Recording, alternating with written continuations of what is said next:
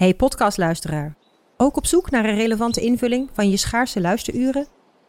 Tune dan in op de podcastserie ESG, even samengevat van BNP Paribas. Wij, Marloes en Aldert, spreken daar duurzame voorlopers en wereldverbeteraars. Waarover dan? Nou, bijvoorbeeld of we ooit duurzaam kunnen gaan vliegen. En waarom koeien in de stad nou een goed idee is? Dat en meer elke twee weken in een nieuwe aflevering. Dus abonneer je. ESG, even samengevat. Al 125 jaar kwaliteit voor jou thuis met Miele. Dat vieren we met jou. Ontvang nu tijdelijk een cashback tot 125 euro op veel Miele-apparatuur. Geniet van de kwaliteit van Miele. Voor perfect verzorgd wasgoed en kleding die veel langer mooi blijft. Voor een stralend schone vaat, even perfect als jouw diners. En een stofvrij thuis waarin echt hygiënisch schoon de standaard is. Check miele.nl voor alle feestelijke aanbiedingen. Ben je er klaar voor? Ik ben er klaar voor. Ik heb uh, echt uh, me heel goed proberen in te lezen. Ik heb me voorbereid op alles wat je op me af kan vuren. Thomas, hoop ik. Nou, ik hoop het ook. Nee, ik ben echt heel blij dat je er bent. Uh, ik ben de afgelopen dagen, denk ik net als bijna iedereen in Nederland, bezig geweest met corona aan de ene kant. En aan de andere kant ook weer niet. Ik heb vrienden in mijn omgeving die zeggen, joh, er is niks aan de hand, stel je niet aan. Ik heb ook echt vrienden die met tassen vol met blikken en, en kilozakken rijstzeulen. En ik weet zelf niet eens waar ik mezelf op dit spectrum indeel. Wat ik er daarvan moet denken en moet vinden. Ik heb vooral gewoon heel veel vragen. En ik hoop, geloof dat ik die bij jou kwijt kan vandaag. Kom maar op met je vragen.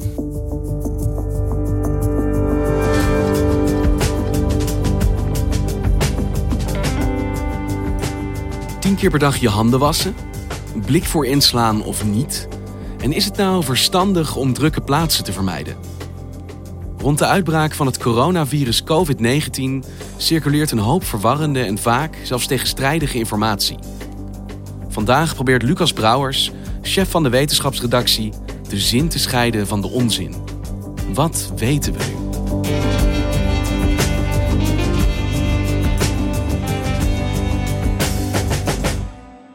Ik kan me voorstellen dat je heel veel vragen hebt, maar waar wil je beginnen? Om te beginnen, dit is een epidemie, zo noemen we dit. Is dit nou veel erger dan zeg een gemiddelde griepepidemie of niet? Hoe erg is dit? Het is anders dan een griepepidemie. Je moet je bedenken dat als het gaat om griep, dan uh, elk jaar komt dat weer terug. En volgens schattingen krijgen in Nederland in ieder geval 400.000 mensen uh, griep. En gaan er gemiddeld 2000 mensen aan dood. En dan kom je op een sterftepercentage van een half procent. Van wat we nu weten van corona-uitbraken, dus in situaties waarin het coronavirus zeg maar echt verspreidt van mens op mens, ligt dat sterftepercentage gewoon hoger. Uh, 2 à 3 procent zijn nu de schattingen. Dat is ook nog in beweging. Maar het is dus veel dodelijker. En die snelle verspreiding, die baart ook een beetje zorgen. Dus om te zeggen van het is zomaar een heftige griep, daar ben ik het uh, niet mee eens. Dus het is een heel ander soort uitbraak dan griep, maar het is echt dodelijker ook. En ik hoor daar ook verschillende signalen over. Ik hoor mensen die zeggen, nou, dit treft alleen ouderen en zwakkeren. Maar ik zie ook dat een 33-jarige arts in China overlijdt aan dit virus. Wie hebben nou kans om hieraan te overlijden? Het patroon is wel zo dat oudere mensen die lopen meer risico. En ook mensen met een verzwakt immuunsysteem. En ja, je moet je bedenken, ik, krijg een beetje een naar gevoel van als mensen zeggen van ja, dat zijn toch al ouderen en zwakkeren die eraan doodgaan.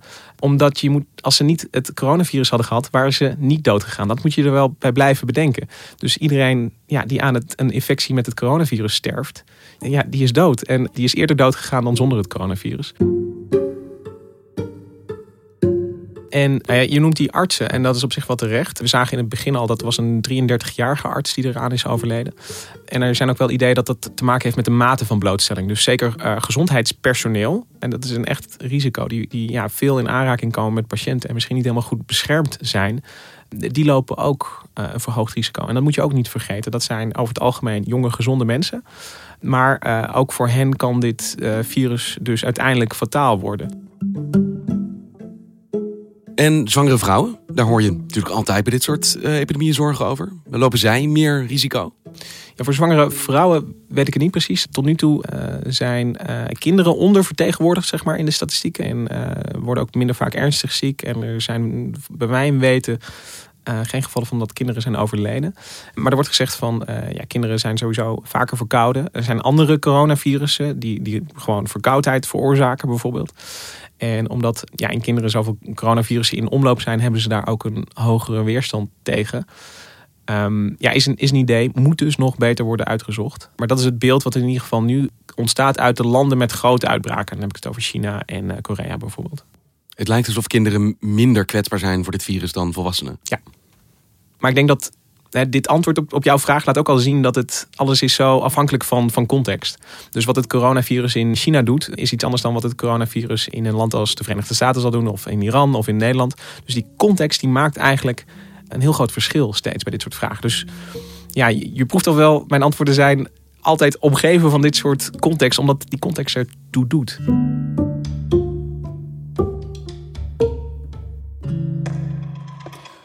Vraag denk ik die heel veel mensen hebben is... stel nou je raakt besmet, waar ga je dat aan merken? Waar moet je nou op letten? Um, die symptomen die zijn ook al, al, vrij snel in kaart gebracht. En een van de, uh, de duidelijkste symptomen is, is koorts. En hoesten wordt uh, veel genoemd. Misschien krijg je spierpijn. Uh, misschien ben je vermoeid. En kortademigheid, met name als het een ernstigere infectie gaat, die hoort er ook bij. En als ik morgen wakker word met koorts, en een hoesje. Moet ik dan naar een arts toe? Moet ik naar het ziekenhuis? Of ga ik hem gewoon oud-Hollands paracetamollen? Ga eerst even na of je recent in risicogebied bent geweest. En dat weet je heel goed van jezelf. Ben je recent in Noord-Italië of Korea geweest? En bestaat er dus een, is er dus een aannemelijke kans dat je het coronavirus hebt opgelopen, dan is het verstandig om je huisarts te bellen en er niet heen te gaan. Als je er meteen heen gaat, dan uh, kun je ook weer andere mensen besmetten. Want wat gebeurt er dan op zo'n moment als ik zo'n telefoontje pleeg naar de huisarts? Staan er dan binnen vijf minuten uh, artsen voor mijn deur? Uh, zo snel kan het niet gaan. Het, het kan voorkomen dat je, dat je een uh, test uh, gaat doen op het coronavirus. En meestal wordt het dat met speeksel gedaan. En daar wordt dan gekeken of er ja, RNA-fragmenten van het virus in zitten. En als dat zo is, dan test je positief. En dan word je waarschijnlijk een tweede keer getest. Om te kijken of het er echt in zit. Maar dat gaat niet met, meteen met witte mannen in pakken die je huis binnenstormen. Maar dat gaat gewoon via GGD's en stel nou, ik word ziek wakker, ik word getest en ik blijk inderdaad besmet met dit virus te zijn. Wat staat mij dan te wachten?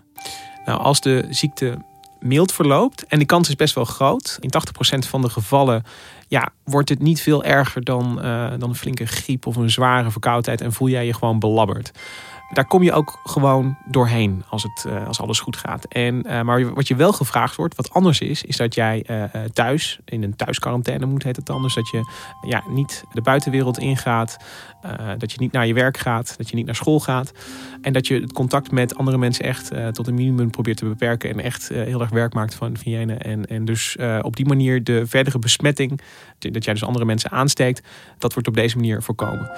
Mocht je situatie nou wel verslechteren en je krijgt bijvoorbeeld een zware longontsteking of je krijgt uh, ademproblemen, dan word je natuurlijk wel opgenomen in het ziekenhuis en dan nemen de verplegers ook extra maatregelen.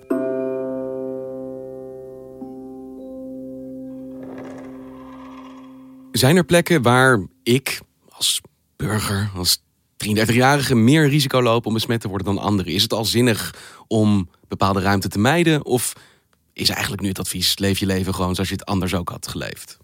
Nou, als je met die vraag een paar dagen geleden had gesteld, dan had ik gezegd: leef je leven zoals je dat uh, wil doen.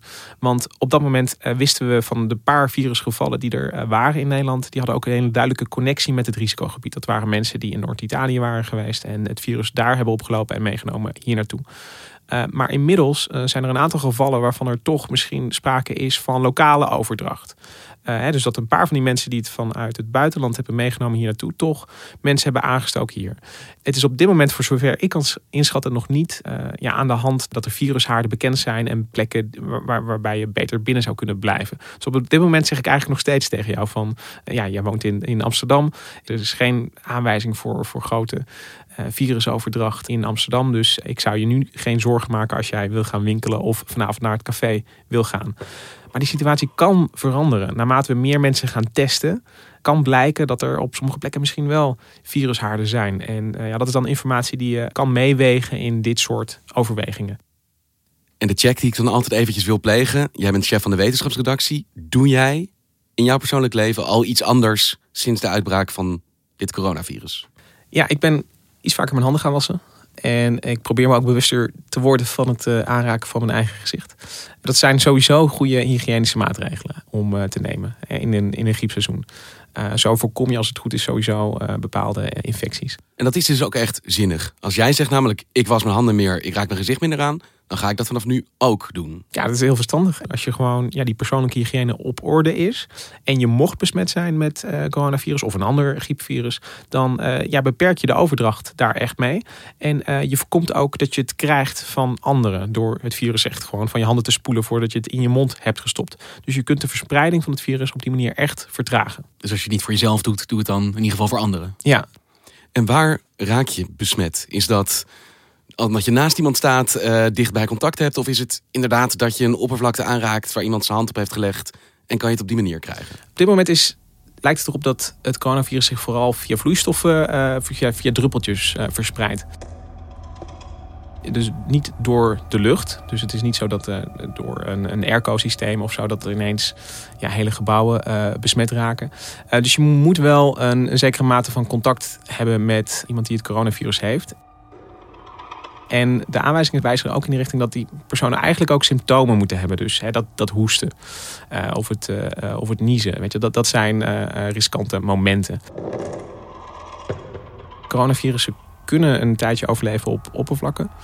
Dus ja, die, die, die, persoonlijke hygiëne die ik net even noemde, die, is, die moet je eigenlijk in acht nemen. En niet alleen met je eigen handen, maar dus ook met de oppervlakte om je heen. Dus in theorie kan je het krijgen door iets aan te raken dat een besmette patiënt heeft aangeraakt. Maar waarschijnlijker is als je het van iemand krijgt, dan gebeurt het met een nies of een hoest. Ja, als je een langere tijd met een, uh, iemand met het coronavirus omgaat, wordt de kans groter dat je het krijgt. Er zijn ook voorbeelden van, van religieuze diensten bijvoorbeeld, waar uh, veel mensen besmet zijn geraakt. We hebben het cruiseschip uh, gehad waar mensen elkaar besmetten.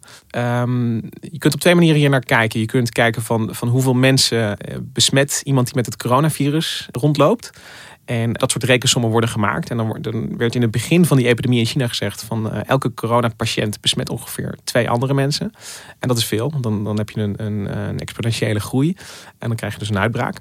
Maar dat was aan het begin van de epidemie. Misschien is dat nu anders. Je kunt er ook op een andere manier naar kijken. En zeggen van stel je hebt zo'n uh, bijeenkomst of samenkomst. En er is iemand met corona uh, loopt er rond. Hoe groot is de kans dat jij het krijgt? En dat, dat soort rekensommen worden ook gemaakt. En die, die komen nu uit op, op 30% in die buurt. Ook voorlopige cijfers om maar aan te geven dat het, het staat niet vast dat je het krijgt als jij morgen naar een etentje gaat waar toevallig iemand zit met corona. Maar dat is een persoonlijke afweging. En uh, je moet echt doen waar jij je prettig bij voelt. Als jij daar die hele avond je zorgen staat te maken op iedereen die om je heen staat te uh, hoesten en kletsen en, en zweten, dan, uh, dan zou ik het niet doen. Want dan heb je geen leuke avond. Maar het hangt dus redelijkerwijs af van de plek. En als daar nog geen connectie met het virus is vastgesteld, hoef je in principe nog niets te ondernemen daartegen wat we nu hebben gezien, uh, is dat inderdaad zo. Dus, dus uh, ja, die connecties met, met Tilburg zijn dus allemaal met Tilburg, omdat daar ook ja, heeft carnaval plaatsgevonden. Dat dus, uh, um, het is nog niet zo wijdverbreid in Nederland dat, dat, dat je in elke kroeg risico loopt. En bijvoorbeeld Schiphol, waarvan je zou denken, nou, als dat virus nou ergens opduikt, dan is het daar een hub waar iedereen ter wereld doorheen komt. Ja, ik kan me die gedachte wel voorstellen, maar het is niet een plek waar mensen samenkomen, een luchthaven. Het is een plek waar mensen doorheen gaan. Dus luchthavens en vliegtuigen spelen wel een rol in de verspreiding van het virus van land naar land bijvoorbeeld. Dat hebben we zeker in die beginfase gezien. Vanuit China reizigers naar Thailand en naar andere landen, die, die namen het mee. Uh, maar de luchthaven zelf is nou niet echt een plek waar mensen heel veel interacties aangaan met elkaar. Het is niet een plek waar mensen samenkomen zoals in een kerk of in een restaurant. Dus uh, er zijn geen aanwijzingen dat luchthavens gevaarlijkere plekken zijn om het virus op te lopen uh, uh, dan uh, een Tilburgse kroeg. Ik zit in een appgroep met wat vrienden en er werd afgelopen weekend een beetje gegrinnikt omdat een iemand een foto stuurde van een tas vol met blikken, bonen, een grote zak rijst van 10 kilo. Heeft dat zin? Is dat verstandig om te doen? Of belachelijk? Ja, eh, bij hamsteren stel ik me voor dat, dat je echt gaat graaien in een schap, zeg maar. En uh, dat is niet aan te raden. Gewoon, en dan bekijk ik het even naar het systeem. Weet je, als, als, uh, als jij het schap uh, bonen leeghaalt, dan kunnen andere mensen geen bonen meer kopen. En wat je dan doet, is je, je verhoogt eigenlijk de druk op het, op het systeem, op de supermarkt. En op het moment dat er zeg maar, ja, een soort hamsterpaniek ontstaat, dan komen er op, op een gegeven moment mensen in, in problemen.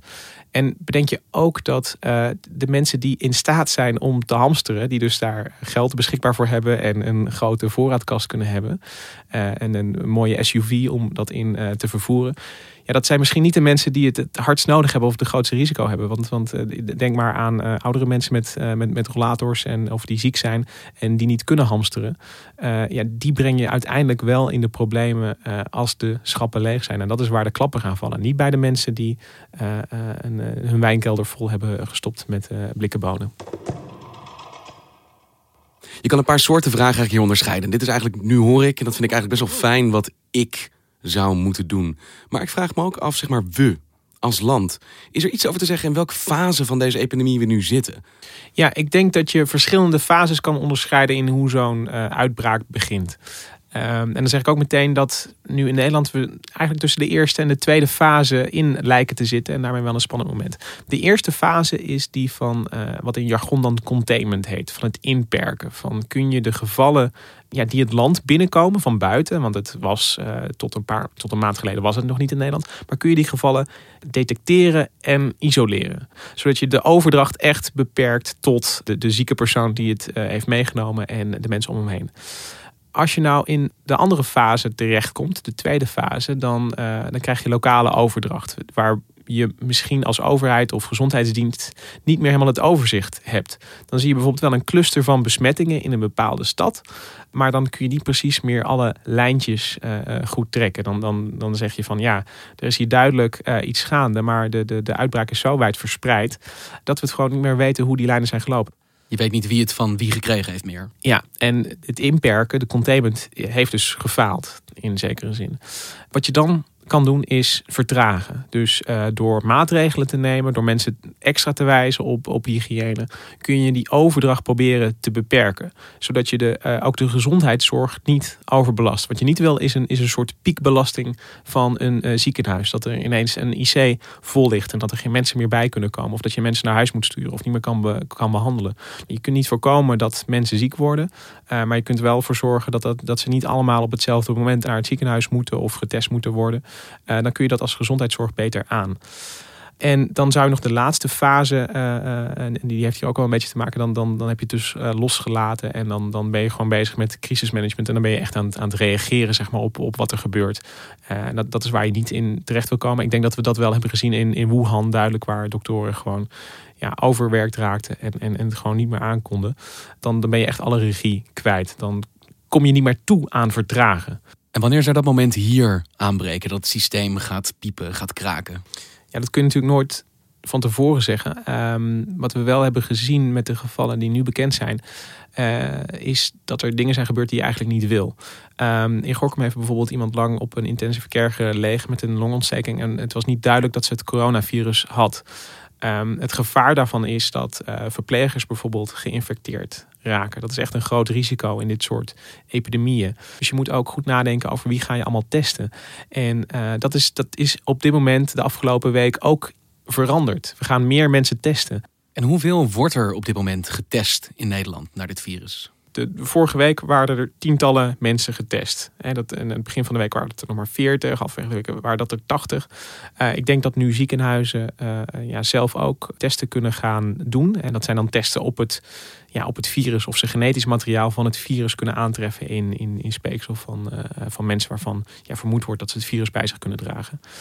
En het is ook heel interessant om te zien dat dat ja, zo verschilt van land tot land. In Korea hebben ze dat echt heel zwaar opgevoerd. Daar zijn ze ja, met een heel groot sleepnet eigenlijk door gemeenschappen aan het gaan. Daar worden echt duizenden testen per dag aangenomen. En dan ga je dus ook gewoon meer gevallen vinden. Gewoon omdat je het sleepnet zo groot maakt.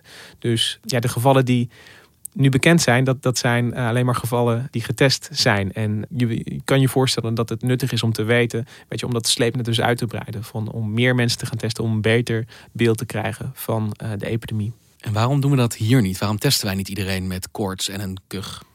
Ja, dat is een goede vraag. En dat is ook een vraag die we op dit moment op de redactie aan het uitzoeken zijn. Van, van hoe kom je tot een bepaalde ja, casusdefinitie of uh, tot een, een, beperking van de groep mensen die je wil testen. En um, ja, er zijn natuurlijk allerlei logistieke overwegingen te bedenken. Een laboratorium heeft natuurlijk een bepaalde testcapaciteit. En als ze op coronavirus aan het testen zijn, kunnen ze andere dingen misschien uh, niet testen. Uh, op hoeveel plekken ga je testen? Weet je, je, je moet het allemaal wel geregeld krijgen. En we kunnen niet over de schouder van het RIVM meekijken met, met al die beslissingen. Maar dat is wel iets wat ik heel graag zou willen. Van, van waarom uh, is uh, die testdefinitie nu uitgebreid en is dat niet te laat? En dat zijn wel hele interessante vragen om uh, te stellen en een antwoord op proberen te krijgen. En wat is het doel van wat nu wordt ondernomen tegen dit virus? Is het het hoop dat het ingedampt wordt en vanzelf verdwijnt? Of, of gaan we over een paar jaar allemaal de coronaprik krijgen, omdat dit er nu helemaal is en eigenlijk niet meer weg zal gaan? Ik denk dat er meerdere einddoelen zijn. Een van de doelen waar we het al over hebben gehad, is uh, dat je probeert die uh, ziekte te vertragen. Maar een ander einddoel is dat je, uh, je wil dat, er, dat je misschien mensen kan vaccineren. Maar dat vaccin is er op dit moment nog niet. Er zijn vaccins ontwikkeld tegen SARS. Maar SARS was eigenlijk voorbij voordat die vaccins echt getest konden worden in mensen. maar er wordt nu wel gekeken van kunnen we die bijvoorbeeld ja, bewerken tot een, een werkend vaccin voor, voor COVID-19. Omdat dat hele erg aan elkaar verwante virussen zijn. Um, voor wetenschappers is ook het doel om snel te kijken welke medicijnen medicijnen kunnen we inzetten. Er zijn virusremmers, die worden bijvoorbeeld uh, ook aan mensen met uh, eh, HIV gegeven of met andere virale infecties. Ja, zijn er dingen die we al op de plank hebben liggen die goed kunnen werken om COVID-19 te bestrijden? Is er een kans dat dit virus zichzelf gewoon uitraast, bijvoorbeeld als de zomer aanbreekt? Of is het nu zo ver verspreid dat dat eigenlijk niet meer denkbaar is? Je hoopt dat je het kan beperken. En uh, met SARS is dat gelukt. Um, ja, de officiële cijfers die we daarvan hebben is dat er 8000 mensen besmet zijn geraakt. We zitten daar nu, nu, dus ver voorbij. Maar met SARS is het SARS is eigenlijk verdwenen. Het is weg. Het is weg. Weet je, er worden nu geen mensen uh, meer ziek van, van SARS. Dat is wat je hoopt. Wat je niet hoopt is dat dit virus zeg maar een ja, permanent onderdeel wordt van het aantal virussen dat mensen krijgen. Want uh, we zitten nu in de winter. Dat is sowieso een tijd waarin verkoudheidsvirussen, uh, andere coronavirussen dan het virus dat COVID-19 veroorzaakt, ja, talrijker zijn en meer mensen infecteren. Ja, er wordt nagedacht over scenario's waarin het bijvoorbeeld gaat afnemen in de zomer, maar in de, in de herfst weer terugkeert. En, en dat is, ja, niemand kan, het, kan dat zeker zeggen. Wat mij verbaasd is, we hebben de afgelopen jaren uh, in Afrika, westelijk Afrika, nu op dit moment nog in Congo, uitbraken gezien van ebola. Een virus dat iedereen kent, veel dodelijker dan dit coronavirus. Vreselijke symptomen. Ik geloof dat één op de drie mensen overlijdt. En toch heb ik niet een schijntje van de paniek en voorzorgsmaatregelen gezien toen die uitbraak aan de gang was. Waar zit dan het verschil? Dat is toch iets veel engers dan wat hier nu gebeurt? Ja, ik vind het moeilijk om de ene virus of ziekte als, als enger te noemen dan, uh, dan de andere. Wat we bij ebola niet hebben gezien was die hele snelle overdracht bijvoorbeeld. Wat je daar zag was dat, dat mensen, uh, lokale gemeenschappen zeker ontwricht raakten. Maar het, het verspreidde zich niet zo makkelijk met een vliegtuig als dit coronavirus doet. Maar het, het, komt toch weer terug bij die context. Afrika is ook niet het centrum van wereldhandel zoals China dat is. Dus dat maakt ook uit. Uh, dus, dus je kunt allerlei andere scenario's bedenken van hoe het anders had kunnen lopen. En uh, het is altijd die vraag van is de hoeveelheid aandacht die er naar een nieuw virus of een nieuwe ziekte gaat, is die evenredig met het gevaar dat ervan komt? Ik heb in mijn hoofd eigenlijk een soort denkbeeldige as met helemaal links totaal belachelijk, helemaal rechts extreem noodzakelijk en in het midden gewoon verstandig. En ik merk dat ik het heel moeilijk vind nou voor mezelf te bepalen wat nou op dit moment verstandig is om te doen wat op dit moment sowieso verstandig is om te doen, is om uh, bijvoorbeeld kritisch te zijn op de bronnen die je consumeert. Hè? Dus de, nieuwsbronnen die je kiest, maar ook op sociale media bijvoorbeeld. Ik zou iedereen willen aanraden om toch de, de gezondheidsinstituten die er zijn, de WHO en de RIVM. natuurlijk kun je hier nogmaals, hier kun je ook achteraf of misschien nu al kritiek hebben op, op handelingen of beslissingen. Maar de kennis zit daar wel. Dat is iets wat je, als het gaat om, om je nieuwsdieet, zou je dat dan kunnen aanpassen. Uh, zodat je niet onnodig ongerust raakt. En dan is er nog iets wat in bredere zin, wat je vaak ziet bij epidemieën, is dat mensen die ziek zijn en misschien andere mensen besmet hebben, vaak dat verweten wordt. Ze worden een beetje geshamed, zou je kunnen zeggen. Van eh, ja, maar ze, ze wisten toch dat ze uit die regio kwamen. En waarom zijn ze dan toch naar werk gegaan terwijl ze wisten dat ze ziek waren? Een soort medeplichtigheid met het virus. Ja, en dan moet je altijd bedenken van, van eh, ja, niet, niet iedereen, we blijven mensen met elkaar. En normaal gesproken ja, is, het, is het helemaal niet gek dat mensen die, die zich een beetje verkouden voelen toch nog een, een dagje naar het werk gaan. Dat moeten we elkaar niet aanrekenen. Dat is, dat is niet productief. En de informatie verandert ook zo snel. Wij hebben het nu over Noord-Italië als een risicogebied waarvan we allebei weten, oh daar zijn veel besmettingen. Maar dat was anderhalve week geleden, was dat nog helemaal niet zo duidelijk. Dus, dus dingen kunnen ook zo snel gaan dat je mensen niet kan verwijten dat ze, dat ze niet helemaal op de hoogte zijn. En eh, nou ja, dat vind ik wel belangrijk om eh, extra even bij stil te staan. Dat ja, het- het is niemands schuld dat, eh, dat ze ziek worden of dat ze andere mensen aansteken. Het is iets unieks eigenlijk ook, zo'n virus. Het is iets wat de hele wereld bezighoudt, wars van geopolitiek, ideologie, landsgrenzen. Is er iets wat wij als mensheid kunnen leren van zo'n uitbraak? Ja, daar heb ik twee gedachten over, denk ik. De, de manier waarop wij de wereld totaal aan elkaar geknoopt hebben, die maakt ook, ons ook kwetsbaar voor dit soort gebeurtenissen. En eh, de manier waarop we omgaan met dieren, en dat is, dat is wereldwijd, dat is echt niet alleen China. Dus, dus dat we eh, zowel wilde dieren eh, ja, eigenlijk onder druk zetten, dat we steeds vaker hun gebied binnenkomen en dat we dieren in grote concentraties houden. Dat maakt je ook kwetsbaar voor dit soort overdrachten. Voor nieuwe virussen die overspringen van eh, dier op mens. En eh, ja, in, in die zin veel gevaarlijker kunnen uitpakken dan de virussen die we al heel erg lang met ons meedragen. En ik denk ook dat hier in Nederland gaat het relatief goed, maar wereldwijd. Ik bedoel, de, gezondheidszorg eh, op heel veel plekken in de wereld is er gewoon minder geld beschikbaar om eh, eh, ja, de gezondheidszorg op te tuigen die weerbaar is tegen dit soort epidemieën. Ja, dus, dus ik, als ik iets hoop is dat het ook een eye-opener is van, van dat je daar van tevoren in moet investeren. En niet achteraf, want dan ben je te laat. Dankjewel, Lucas. Ja, bedankt voor al je vragen. Ik hoop dat het eh, een beetje duidelijkheid heeft, heeft verschaft. Ook al is mijn antwoord heel vaak geweest. Weet ik niet precies of eh, misschien zit het zo of dit, dit zou zo kunnen. Maar dat is echt ja, waar we nu staan en waar we nu zijn. En eh, ja, achteraf zal het allemaal heel erg duidelijk lijken. En nu is het gewoon nog spannend en ongewis. Je luisterde naar Vandaag, een podcast van NRC. Eén verhaal, elke dag. Dit was vandaag, morgen weer.